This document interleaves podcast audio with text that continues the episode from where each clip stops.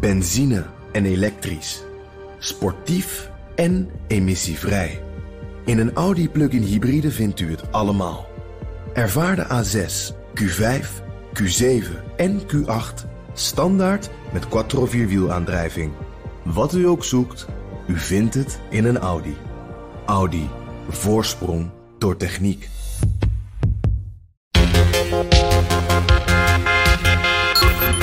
Bizarre is dat als ik lezing geef, juist voor oudere mensen, eh, grijze haren zoals ik, of dan wel ouder, die de Koude Oorlog hebben meegemaakt, die betichten me allemaal van de Koude Oorlog-retoriek. Van dat zal toch niet gebeuren? Wat heeft, wat heeft Rusland voor belang erbij? Ik doen ja. Nou, kijk aan. Eh, maar de jeugd zegt van nou, die, die, die beseft, ja, wacht eventjes. Eh, we zien toch andere rationaliteiten daar, in andere overwegingen bij dat soort autoritaire regimes postvatten en een doorslaggevend zijn. Dus daar hoor ik dat. Die, die aantijging veel minder.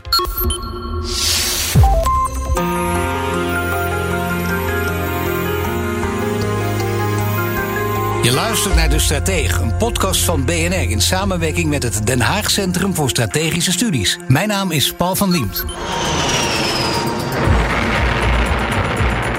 In the 1950s, the U.S. nuclear arsenal expands at an astonishing rate. From 50 weapons at the start of the decade to 12,000 at the end. The official policy is that we have them so that we don't have to use them. Deterrence is a vital part of international security and defense. It's about signaling to adversaries that the cost of any aggressive actions will outweigh the benefits. Successful deterrence can achieve defense goals without fighting. But in today's increasingly complex world, new forms of conflict make deterrence difficult.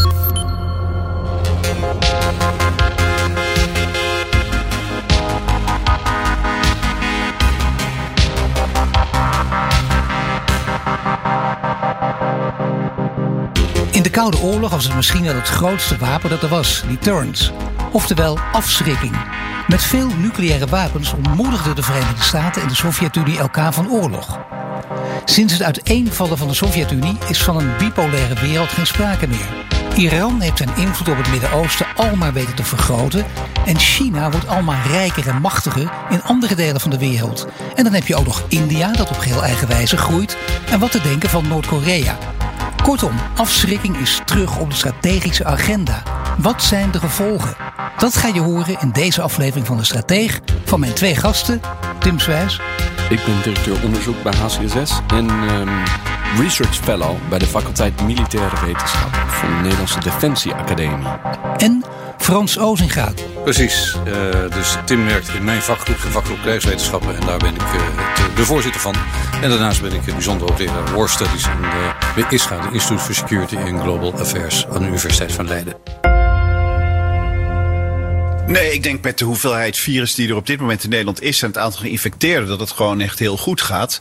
Wat ik niet helemaal snap, heel eerlijk gezegd, is waarom dat plotseling versneld moest worden. Want ja, misschien lees ik de verkeerde krant, maar uh, ik zag niemand die daar nou om had gevraagd. Ja. Eigenlijk is iedereen wel redelijk happy als ik zo om me heen kijk. Met het mooie weer. De terrassen zijn weer open, de cafés, de musea. Ja. We mogen weer steeds meer. Sportscholen gaan weer open. Dus ja, uh, wat is daar verkeerd mee? En waarom moet het dan plotseling allemaal overhaast? Het is alsof dat virus een organizer heeft of zo. Het mag twee dagen eerder. Ja, je hoorde Marcel Levy bij WNL. Goedemorgen Nederland van deze week. Uh, ja, er zijn uh, veel meer uh, mogelijkheden sinds deze week. Er zijn eindelijk van die mondkapjes af. Op vrijwel alle plekken hoeven we ze niet meer te gedragen. Hoeven ze niet meer te dragen. Een kleine waarschuwing nog hè, van Marcel Levy. heren, heel blij met, met deze openheid, Tim, of niet? Heel blij. Ik zie ernaar uit dat onze maatschappijen weer open gaan. En we weer vrij door de straten kunnen lopen en zelfs naar restaurants kunnen gaan. Zelfs dat, ja. En ook de mondkapjes, of kon je dat niet zo schelen? Was je eraan gewend geraakt? Ik was er niet helemaal aan gewend geraakt. Dus het, maar het was in die zin opeens vreemd dat je de supermarkt binnenliep en je hoefde geen mondkapje meer om. En Frans, ook blij ondanks de berichten van bijvoorbeeld de Delta-variant en de Delta-Plus-variant? Ik ben blij omdat uh, een jaar lang doseren voor een laptopje je, en je studenten niet zien, dat uh, op een gegeven moment ben je daar wel klaar mee. Ja, en was het met de studenten, waren je ook heel blij? Die waren ook heel blij dat ze weer gewoon fysiek in de klas konden zitten.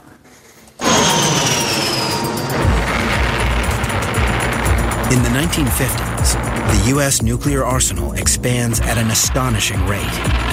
From 50 weapons at the start of the decade to 12,000 at the end. The official policy is that we have them so that we don't have to use them.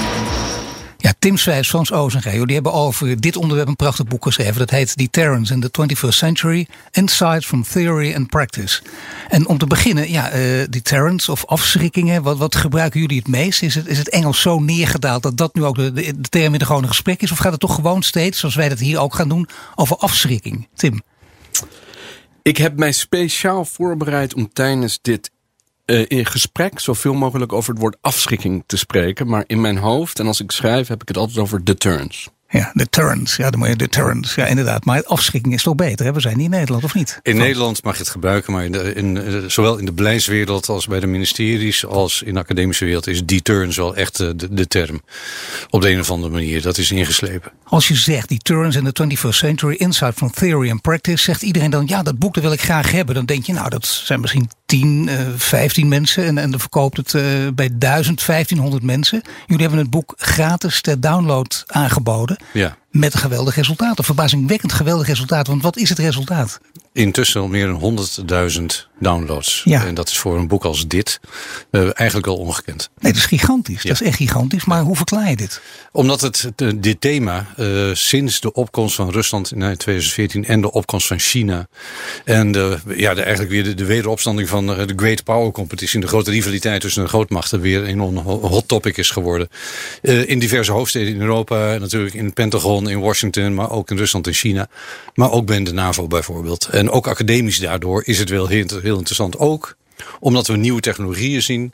Uh, we zien uh, staten als Iran daar ook weer mee bezig zijn. Die hebben weer andere ideeën over die turns. Dus aan alle kanten is het weer hot. Nou, ja. en er is, er is ook een prozaïsche verklaring. Namelijk, we hebben een aantal wereldtoppers die bijdragen aan dit boek. Uh, die hebben een chapiter bijgedragen. Ja, dat helpt. Uit China, uit Rusland, uit Amerika, uit Engeland, uit Frankrijk, uit Israël, uit Iran. Dus ik denk dat hun, uh, de mensen die hun volgen, dachten: ha, dat is interessant, dat boek moeten wij ook gaan lezen. Maar Tim, je mag ook zeggen: afschrikking, wat Frans ook zegt, afschrikking is terug van weg geweest.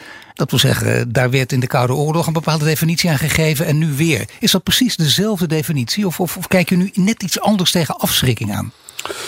Nou, we kijken, afschrikking is, is breder geworden en moeilijker en complexer. Om, om een aantal redenen. Eén, uh, in de Koude Oorlog leefden we tussen de grote machtsblokken van de USSR, van de Sovjet-Unie en de VS in.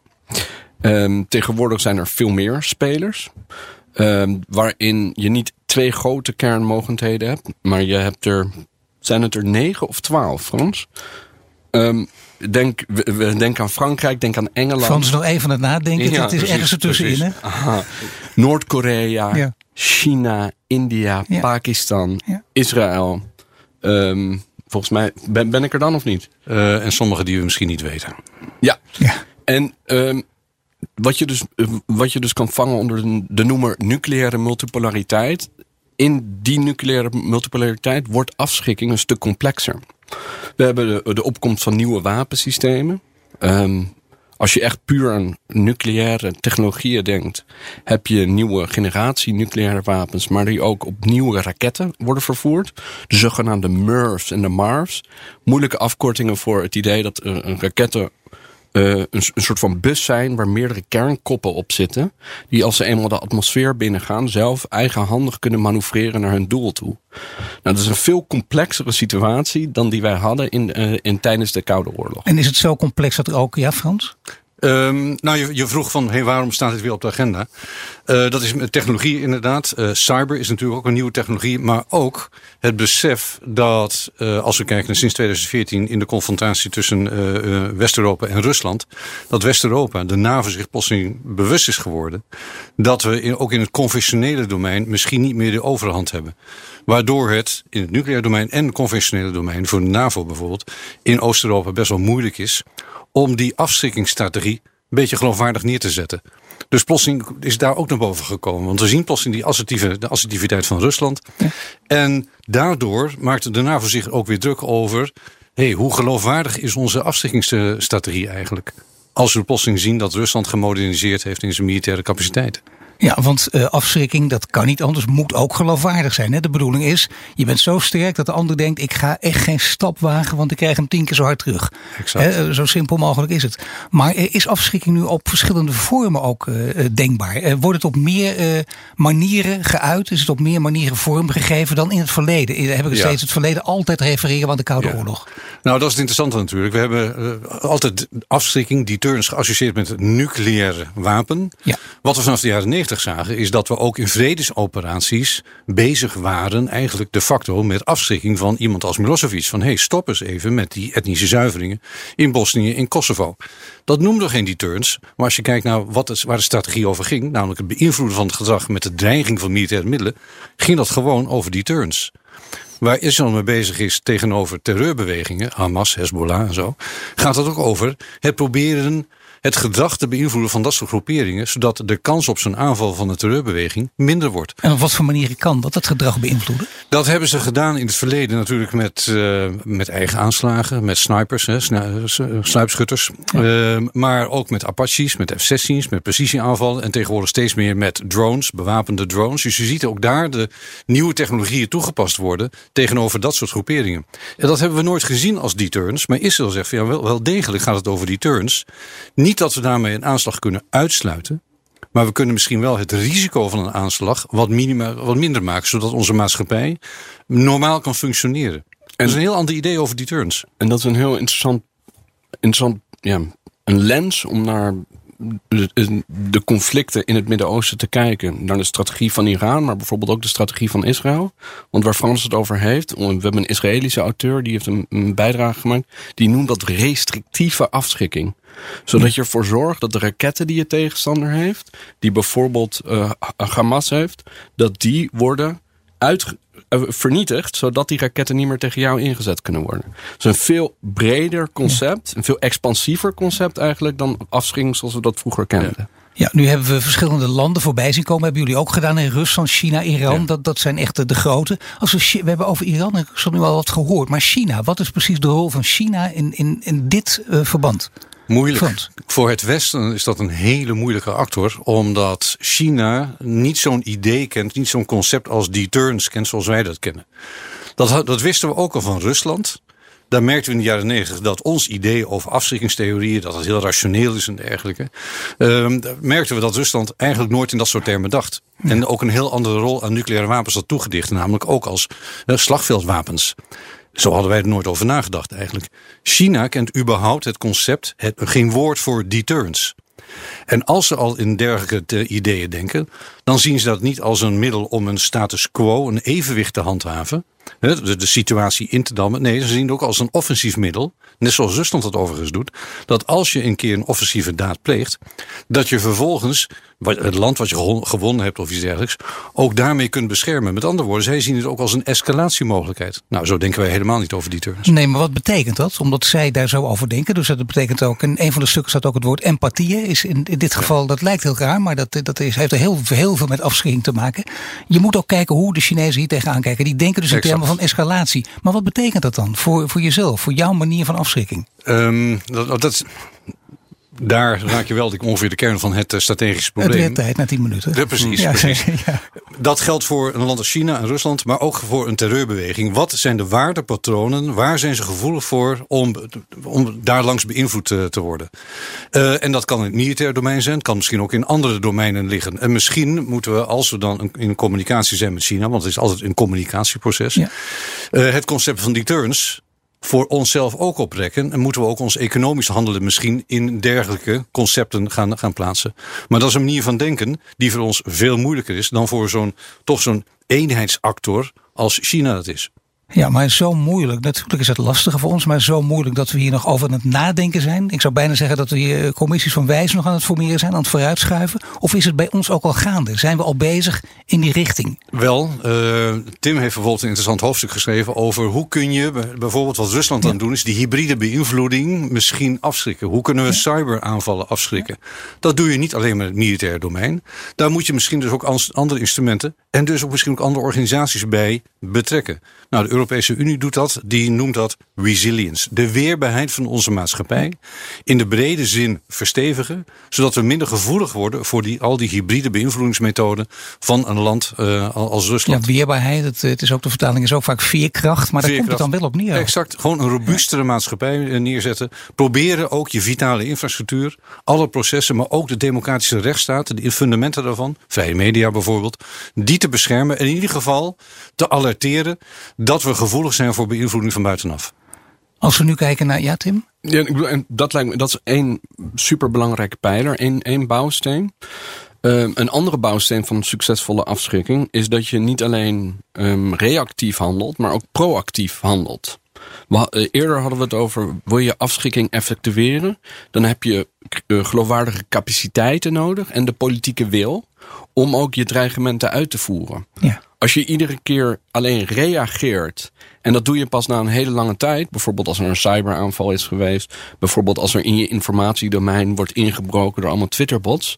Dan uh, maak je niet hele geloofwaardige indruk op je tegenstander. Dus het is ook belangrijk, en ja, daar, daar spreken we ook in dit boek over, om uh, te gaan kijken hoe kunnen wij proactief het gedrag van die tegenstander beïnvloeden. Hoe kunnen we normen creëren, nieuwe regels voor het spel, waarin het duidelijk is voor de tegenstander dat als hij iets doet wat hij niet willen, dat er daar automatisch een straf op volgt. Maar hoe kun je dat dan doen? Want dat zijn goede vragen, maar wat zijn dan mogelijke antwoorden? Um, nou, laten we even een equivalent nemen van vroeger en laten we die ja. dan in het heden bekijken. Um, als we denken aan raketten vroeger. Uh, dan zijn er afspraken gemaakt over hoeveel raketten er mochten, met hoeveel kernkoppen. Zijn er ook afspraken gemaakt over manieren om te monitoren dat die raketten er waren. Um, zijn er afspraken gemaakt over wat wel mocht en wat niet mocht. In het huidige systeem ontberen die regels en die afspraken. Dus je kan gaan kijken bijvoorbeeld hmm, het aanvallen van vitale infrastructuren met cybermeans, met cyberinstrumenten. Dat vinden wij onacceptabel, onaanvaardbaar. Je kan onze hele maatschappij platleggen. Um, laten we dan ook afspreken wat, wat de reactie is als we dat doen. Als we nu iedere keer als we daarachter komen hebben over het opleggen van een aantal diplomatieke sancties, dan is dat niet per se, heeft dat niet per se heel veel gevolgen. Laten we dan even kijken naar verschillende vormen. De verschillende vormen waar we het een beetje over hadden. Niet alleen maar nucleair, ook weer terug naar het verleden, maar er zijn veel meer vormen. Onlangs was er een in het oog springende, namelijk eh, die hek bij de Colonial Pipeline. Dat betekent uiteindelijk, eh, men dacht daar zit een, Russisch bedrijf achter, althans Russische belangen zitten erachter. Die hebben dat gedaan bij de Amerikanen, waardoor de benzinetoevoer eh, werd afgesloten. Nou, dat is nogal wat. Het is heel stevig. Ik hoor ook mensen om me heen die daar veel minder kijk op hebben dan jullie, maar die wil zeggen, ja, zie je wel, dit hebben we al lang want het, het speelde natuurlijk al veel langer, dit soort aanvallen. Valt dit nu ook uh, in het kader van, van, van afschrikking te begrijpen, te definiëren en dus ook, ook te, te verklaren, of niet, uh, Frans? Uh, ja, attributie van wie, een bewijsvoering over wie het uiteindelijk gedaan heeft, is, altijd, is wel een ding uh, in het cyberdomein. Maar dat schijnt steeds beter te, te, kunnen. Dat je echt kunt aanwijzen van luister, diep een partij zat erachter. Uh, wat je vervolgens ziet in China, is, of sorry, in, Amerika, is dat zij heel anders zijn gaan nadenken over deterrence in het cyberdomein. Ja. En dan zeggen ze ook van luister, dat kan, kan resulteren in sancties. Het kan resulteren in het bevriezen van banktegoeden van bepaalde actoren. Of nou commerciële actoren zijn, individuen of landen. Het kan ook resulteren in een enorme activiteit zelf in het cyberdomein in offensieve zin. Van luister, jullie doen dat. Ja, en dat kunnen we niet tegenhouden, want verschillende van onze bedrijven zijn niet goed beschermd. Of overheidsinstanties, die blijven toch kwetsbaar. De enige manier om jullie te overtuigen dat niet te doen, is zelf ook heel actief worden in het cyberdomein. En daar zie je dat vanaf, het zal zijn, de, de eerste aanvallen op, was het Estland geloof ik, in 2007. 2007, 2008. Dat er een groot debat is ontstaan in de academische wereld van oké, okay, wat betekent eigenlijk deterrence in het cyberdomein? En dat de Amerikanen vanaf 2015, 16 zijn begonnen om te zeggen van luister, je moet het veel meer vergelijken met sancties. Uh, wat je kunt bereiken met, uh, op het gebied van deterrence van cyberaanvallen. En dat betekent dat je zelf veel actiever moet worden, want de drempel om cyberaanvallen uit te voeren voor andere actoren is hartstikke laag. Ja, dat is nauwelijks tegen te gaan. En de enige manier is om daar heel actief zelf dan ook in bezig te zijn. Nou, dat is een heel andere manier om na te denken over, over die turns. Maar je wil, ook weten, je wilt toch ook weten of het te maken heeft met, met wanneer is de grens overschreden? Met, met, andere woorden, hoe bepaal je of de grens wel of niet overschreden is? En in ja. dit geval van die Colonial Pipeline, wat, wat zou je dan moeten zeggen? Is hier een grens overschreden? Voor de Amerikanen wel. Ja, voor, de, Russen niet. Nou, nee. nee. de Russen Eh, zeggen, of, houd toch of de op. Chinezen of zo. Maar waar het om gaat is dat hiermee le- leg je een deel van de vitale infrastructuur plat. Ja, nou, die tuurlijk. kennen wij ook. En wij zijn al in Nederland, is al, eh, de NCTV en dergelijke, is al tijden bezig om de verschillende instanties in Nederland ook, ook te alerteren, te sensitiveren van hé, hey, pas even op, dit risico ligt er wel. Eigenlijk al vanaf 911 is onze maatschappij en onze overheid bezig om de kritische infrastructuur ehm, wat te- robuuster te maken. Maar zeker vanaf 2014. Niet alleen in Nederland, ook in de Europese Unie gebeurt dat. Zelfs de NAVO heeft het cyberdomein heel stevig omarmd tegenwoordig. Dus in die zin worden echt maat- maatregelen geno- genomen. Um, en in het kader van deterrence, afschrikking in het cyberdomein, ehm, is het interessant dat de Russen in 2015 gewoon een Oekraïense stad platlegden tijdens kerstmis. De energiecentrales overnamen en gewoon de energie, de elektriciteit afsloten. Is de vraag, wat doen ze hier? Nou, ze waren één aan het oefenen, maar twee, ze lieten ook zien dat ze dit konden. Ja. Vervolgens, nu wordt het eh, interessant, om bespeurde Amerikaanse inlichtingendiensten dat de Russen ook in Amerikaanse vitale infrastructuren zaten. Ehm, en toen was het, hmm, wat gaan we nu doen? De Amerikanen die tot voorheen altijd heel voorzichtig manoeuvreerden, gingen toen heel opzichtig laten zien aan de Russen dat ze ook in de Russische kritieke infrastructuren zaten. Dat is een notie van afschrikking. Ja, zitten- logisch, logisch spierballen vertonen. logisch spierballen vertonen. En ook een, ook een manier om te, een signaal, signaal te zenden naar je tegenstander. Je- We weten dat jij ons kan pakken, maar weet ook dat we jou kunnen pakken. Ja. Dus als je het echt grootschalig afsluit, dan ga je een grens over. Interessant strategisch spel, maar ook een heel gevaarlijk spel. Waar ook eh, het woord zelfbeheersen met hoofdletters geschreven moet worden natuurlijk. Een kapitale, absoluut. Ja. Nu is er nog iets, eh, namelijk eh, militaire macht. Daar hebben we het eigenlijk nog niet over gehad. Daar had ik het wel over in de vorige aflevering van, van de Stratege. Want eh, toen ging het met Rob de Wijk, hij was de gast. Hij zei dat de militaire macht eigenlijk steeds minder belangrijk wordt. Hè? En op de vraag of we in Europa misschien een Europees leger nodig zouden hebben. Hij zei dit. Nee, dat, heb je niet nodig. Omdat militaire macht gewoon een steeds minder bruikbaar instrument wordt. En dat heeft gewoon te maken met het feit dat die kernwapens een steeds grotere rol gaan spelen in die betrekkingen tussen die En landen. ook cyber en het gaat space. echt om geo-economie. En wat je dus ook ziet, als je kijkt nu naar de G7. Dat, dat had, de, de verklaring, eh, dat gaat over we moeten regels hebben. We moeten handelsregels hebben. We moeten, versch- we moeten standaarden gezamenlijk uit. Ja, dat is, dat is echt Europese bedrijf. ja, eh, ik gooi nog even cyber en space doorheen natuurlijk. Hè? Maar het gaat vooral eh, in dit geval ook over de kernwapens. Maar wat is het? Een minder bruikbaar instrument. Die Frans Oosterga die gaat er op de wijk tegenspreken. Nou, Rob heeft eh, in zekere zin gelijk. De, In kijk, nee, historisch gezien is het militaire machtsinstrument eh, minder dominant geworden ten aanzien van andere opkomende instrumenten. Ja. Dat is absoluut een feit. Aan de andere kant eh, zie je dat eh, de aanname dat nucleaire wapens conventioneel optreden minder belangrijk maken, wordt echt gelogen als je kijkt wat in Pakistan en India gebeurt. Ja. Daar heb je een nucleaire paraplu en toch zien we conventionele schermutselingen. Best wel heftig zelfs. Ja. Daarnaast, als je kijkt naar Oost-Europa. de Oost-Europese landen willen heel graag de, ook de conventionele NAVO militaire macht daar ter plekke zien als afschrikkingsmiddel. Ja. Heb je die niet, dan lok je misschien juist een conventionele agressie uit. Eh, het punt is dat in, in- als je kijkt naar het militaire instrument, is het eigenlijk gewoon een, een groot ecosysteem van allemaal niches. En als je een bepaalde niche kunt, niet kunt afdekken, dan, dan incasseer je eigenlijk een kwetsbaarheid. Zo- Zo'n voordeur-achterdeur principe. Ja, hè? precies. Dus als je je voordeur eh openlaat, ja, dan hoeft de dief niet via de achterdeur naar binnen. Exact. Dus eh, het is complementair. Dus we moeten oppassen. En zeker de NAVO heeft eigenlijk de, van ja, tot 2014, de 25 jaar daarvoor, het nucleaire domein behoorlijk verwaarloosd.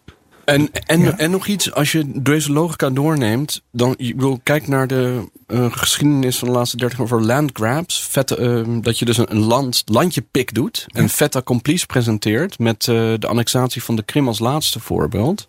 Ehm, dus de, de notie dat oorlogen steeds kostbaarder en duurder worden. En dat het dus zeer onverstandig zou zijn voor nucleaire mogendheden om met elkaar een grote oorlog uit te vechten met het risico van een escalatie naar kernwapens. Dat staat buiten kijf. Heeft Nederlands-Israëlische militair eh, geschiedkundige van Kreveld ook al eind jaren tachtig mooi beschreven in, in een boekje over de transformatie van oorlog. Maar het idee dat we daarmee geen conventionele capaciteiten meer nodig hebben, omdat de kernwapens het vanzelf zullen oplossen, dat vind ik iets te kort Nou, door er, de bocht. speelt, er speelt nog iets mee. Hè. Ehm, er is een ernstige vraag of de westerse wereld bereid is om uiteindelijk naar nucleaire escalatie te gaan. Dat speelde ook al in de Koude Oorlog. En wat we nu zien is dat met de modernisering van de Russische krijgsmacht in het conventionele domein, dat zij de, de capaciteit hebben gekregen om niet heel grootschalig, maar toch 50, 60, 70.000 mensen binnen een hele korte tijd te mobiliseren en te transporteren naar een Oost-Europese grens conventioneel. Om daarmee bijvoorbeeld een, een dreiging neer te zetten of een fait accompli neer te zetten. Dat is de grote angst van bijvoorbeeld de Baltische Staten.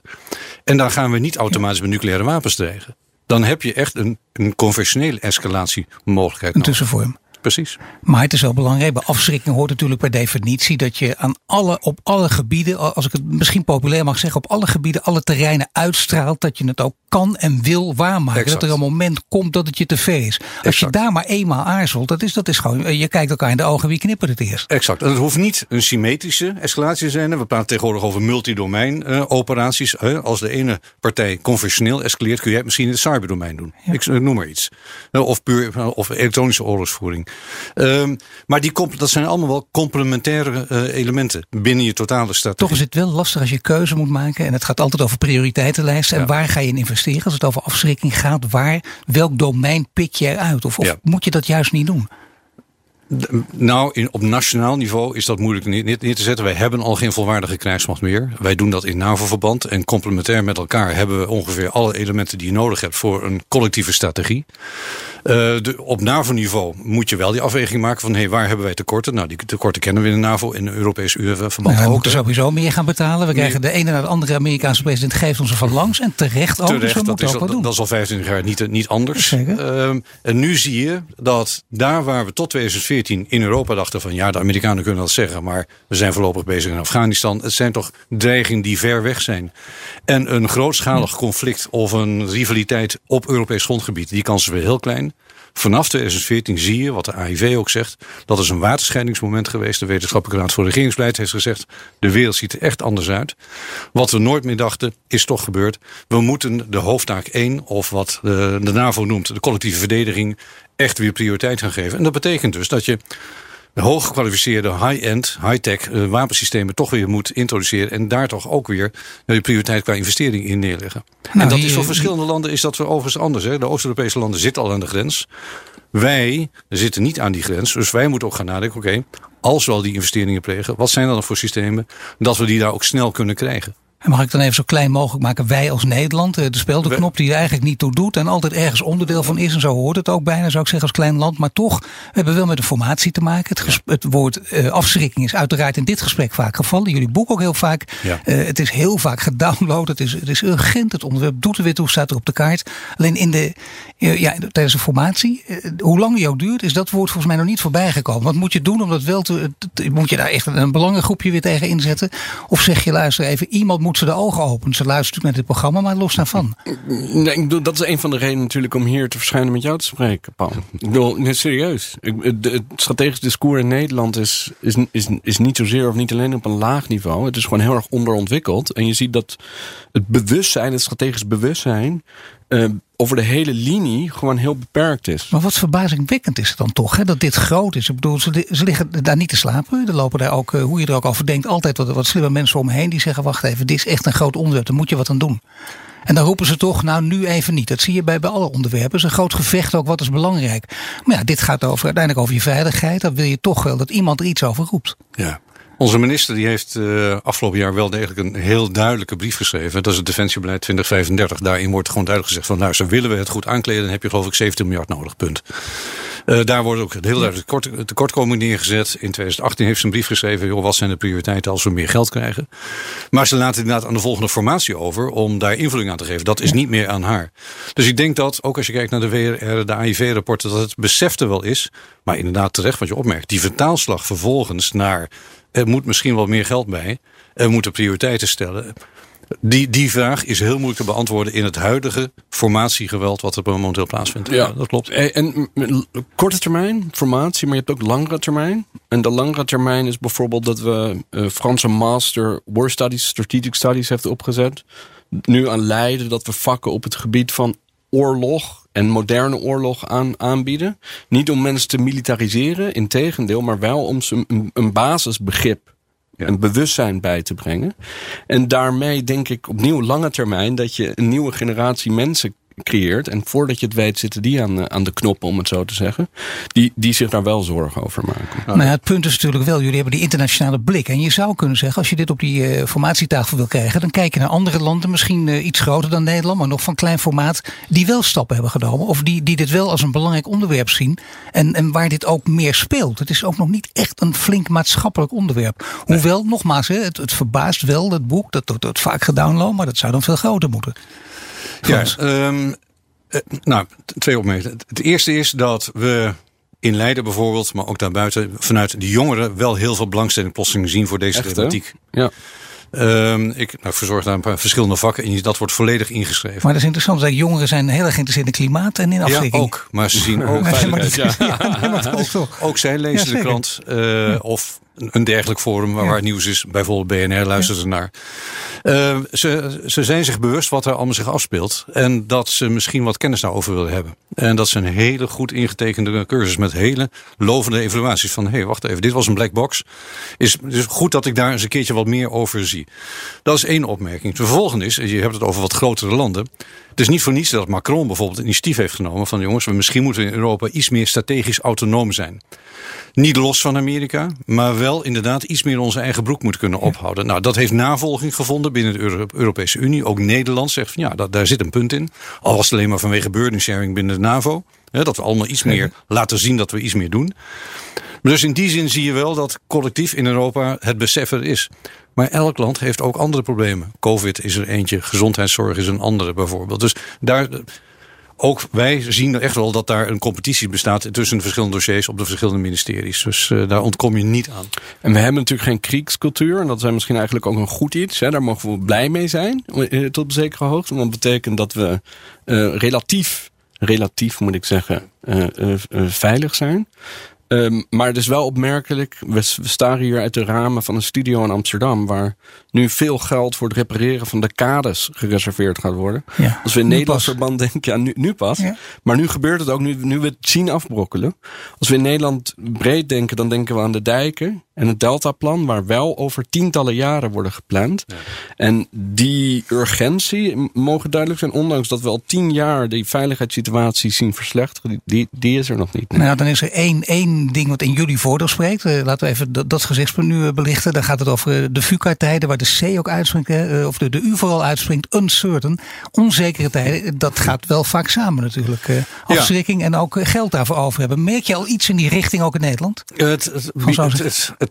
Het, bizarre is dat als ik lezing geef, juist voor oudere mensen, grijsharig zoals ik, of dan wel ouder, die de Koude Oorlog hebben meegemaakt, die betichten me allemaal van Koude Oorlog-retoriek. Van dat zal toch niet gebeuren? Wat heeft, wat heeft Rusland voor belang Ik erbij? wou en het net doen ook, ja. Nou, kijk aan. Eh, maar de jeugd zegt van nou, die, die, die beseft, ja, wacht eventjes. eh, we zien toch andere rationaliteiten daar, in andere overwegingen bij dat soort autoritaire regimes postvatten en een, een doorslaggevend zijn. Dus daar hoor ik dat, die, die aantijging veel minder. En dat is het grappige misschien. Die, die, die, dat, de oude Toch niet generatie. zo die- gek, omdat ze ook over cyber en space nadenken. Exact. Dat zijn natuurlijk nieuwe Exact. ontwikkelingen. En daar hebben ze veel meer kijk op en zien dat ook. Exact, voor hen is dat misschien wel dichterbij. eh, terwijl voor eh, heel veel andere mensen het heel abstract is. Want we- laten we wel wezen, in Nederland zitten we heel veilig. Nog best wel ver van die Oost-Europese grens. Ga je naar de Baltische Staten, waar we afgelopen jaar regelmatig zijn geweest. Dan wordt het heel direct beleefd. Ga naar Helsinki. Daar wordt die Russische hybride dreiging heel di- dichtbij beleefd. Bij ons is het best wel abstract. Maar de jeugd, de jeugd, die jongere studenten, die beseffen het wel. Daar heb ik veel minder die reactie van dit is koude oorlog retoriek. Meer besef van, hé, hey, we zijn inderdaad kwetsbaar. Dingen zijn veranderd. Daar moeten we iets mee. Heer, mag ik jullie hartelijk danken voor dit verhaal. Dank Tim Swijs, directeur onderzoek van het Den Haag Centrum voor Strategische Studies en Research Fellow aan de faculteit Militaire Wetenschappen, de FMW. En Frans Ozinga, commodore en voorzitter van de afdeling Oorlogsstudies van de FMW en hoogleraar van de bijzondere leerstoel Oorlogsstudies aan de Universiteit Leiden. Wil je meer afleveringen van de Stratege terugluisteren? Je vindt hem op Apple Podcast en Spotify, maar ook in de BNR-app of op bnr.nl. Tot volgende keer.